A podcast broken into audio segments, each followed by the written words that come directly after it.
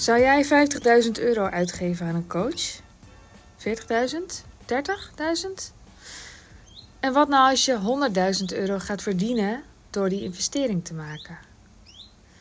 En dat is het verschil tussen geld uitgeven en investeren. Als je investeert, dan geef je het uit aan iets wat meer waard wordt of waarmee je iets flink bespaart. En het hoeft nog niet eens geld te zijn. Het kan ook gewoon je gezondheid zijn of je geluk. En heel vaak heeft je geluk en je gezondheid dan wel weer ook weer invloed op uh, jou als persoon. En dus hoeveel geld je kunt verdienen. Of hoeveel, ja, zeker als je bijvoorbeeld onderneemt of, of überhaupt als je werknemer bent.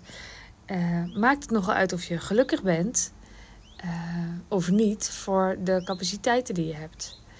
Kan jij bijvoorbeeld iemand helpen een depressie te voorkomen? Of uh, overspannenheid, burn-out, dat levert gewoon een heleboel geld op. Kun je, uh, kun je dat besparen voor een mens? Kun je het besparen voor een werkgever? Dat is natuurlijk ook een mens, maar je snapt mijn verschil, denk ik wel. Dat, dat is allemaal financieel om te rekenen in dat het een investering is die geld terugverdient. En ik geloof erin dat, het, dat we echt een heleboel zelf kunnen leren, maar dat het gewoon heel veel sneller gaat als je de juiste coach weet te vinden die precies helpt bij wat jij nodig hebt. En daar komt een beetje de cruxigheid. Want ja, er zijn heel veel coaches en er zijn ook slechte ervaringen. En ik denk dat we echt op een punt gekomen zijn dat wij coaches, dus ook jij, hey, jij, um, de verantwoordelijkheid hebben te nemen over of je een goede match zoekt. Ook als koper trouwens, dat je eerlijk bent in een, uh, in een gesprek. Uh, of uh, als je op een salespagina afgaat, dat je goed kijkt naar wat er staat. Of je voldoet aan de kwalificaties of zo. Maar in een gesprek dat je goed doorvraagt. Maar vooral ook als coach vind ik dat je een verantwoordelijkheid hebt. En dat betekent niet dat jij verantwoordelijk bent voor de resultaten van je klant. Maar wel dat je je best doet om er zo goed mogelijk achter te komen of jij deze persoon wel echt kan helpen. Of dit wel een match is. En ik denk zeker in het begin, als je begint met coachen en trajecten verkopen, dat je wel eens, eh, nou ja, gewoon een wat minder duidelijke match hebt en dat dat oké is. Dat het erbij hoort, maar dat we wel een taak hebben om steeds preciezer te worden en steeds beter te kijken naar, hé, hey, waarom lukte het nou bij de ene niet goed genoeg? Of waarom kreeg de een niet de resultaten die, die ze zo graag wilde en de ander wel? Waar zitten die verschillen en waar zitten de overeenkomsten tussen de klanten die zo lekker gaan? Ik vind dat we daar wel echt uh, ja, een taak in hebben. En dat betekent niet dat als, als het een keer uh, niet de resultaten zijn die iemand graag wilde, dat het dan dus aan de coach ligt.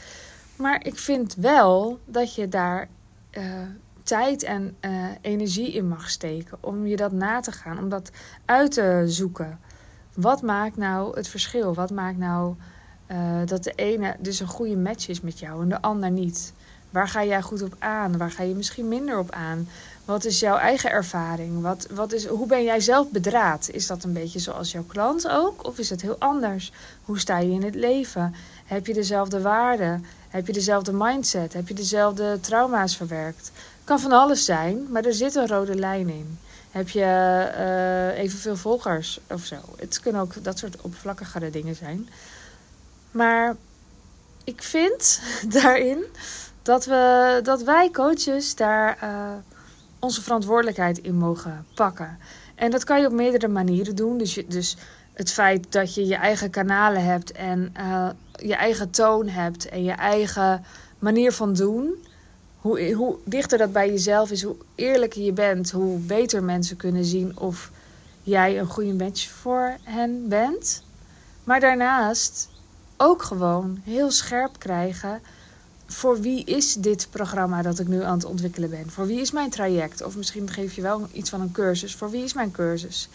En het grappige is, um, ik spreek heel veel mensen die een praktijk hebben.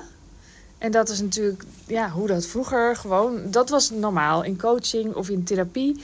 Dan had je een praktijk en dan zie je gewoon allerlei soorten mensen achter elkaar door. Er was niet zoiets als een ideale klant. De huisarts ziet gewoon iedereen, de osteopaat ziet iedereen, fysiotherapeut, de gewone uh, praatcoach, de psycholoog, die ziet gewoon allerlei soorten mensen.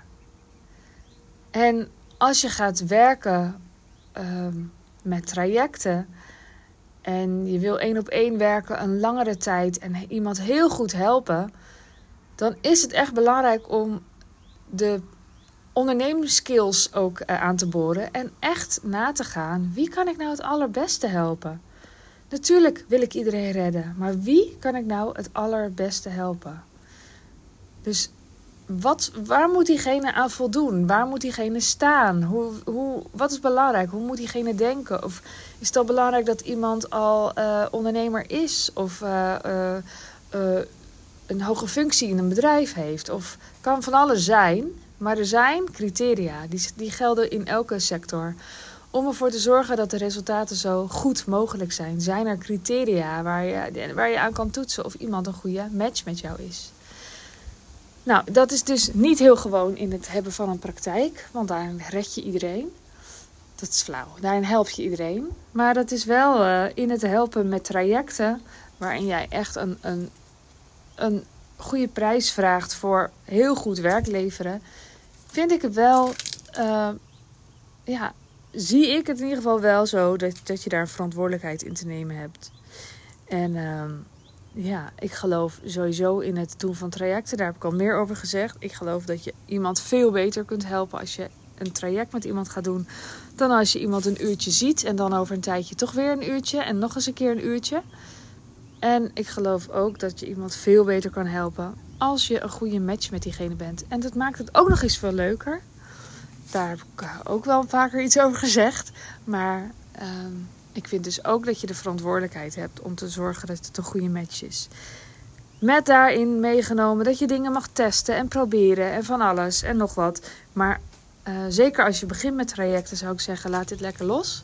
Maar als je ermee doorgaat en als je doorbouwt en uh, ja, het maakt ook gewoon dat je steeds waardevoller traject kunt aanbieden. En dat de investering daarin ook steeds verder omhoog kan.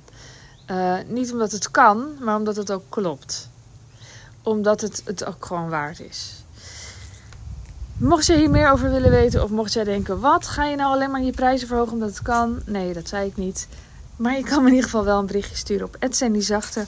Mocht jij geïnteresseerd zijn om echt goed geholpen te worden met het neerzetten van jouw aanbod en je marketing en je verkoop op orde te krijgen. Ja, je kunt dus meedoen met mijn business training. Die start uh, tweede helft september. Maar uh, om jou optimaal te kunnen helpen, dan is het belangrijk dat ik met je meekijk. En daarvoor ben ik een uh, programma aan het ontwikkelen. En mocht je daar meer over weten, dan kun je me een pb'tje sturen op Sandy Zachte op Instagram dus. Um, en daarin krijg je de business training er gewoon bij. Ik wens je een hele fijne ochtend, middag, avond, nacht. En tot de volgende keer. Doei doei!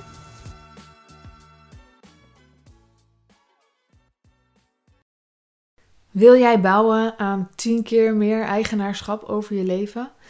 Wil je dat door middel van zelfvoorzienend leven in het kleinste zin van het woord, ondernemerschap en persoonlijk leiderschap? Kom dan bij Community Leven in Vrijheid, waarin een hele groep wilde mensen is die hier ook mee bezig zijn, die dit ook willen en die heel graag met je willen uitwisselen. Over moestuinieren, over grootse plannen, over hun eigen bedrijf opbouwen, over allerlei aspecten die allemaal samen zorgen voor een, een leven buiten de logge systemen. Ga naar wildemens.nl als je erbij wilt.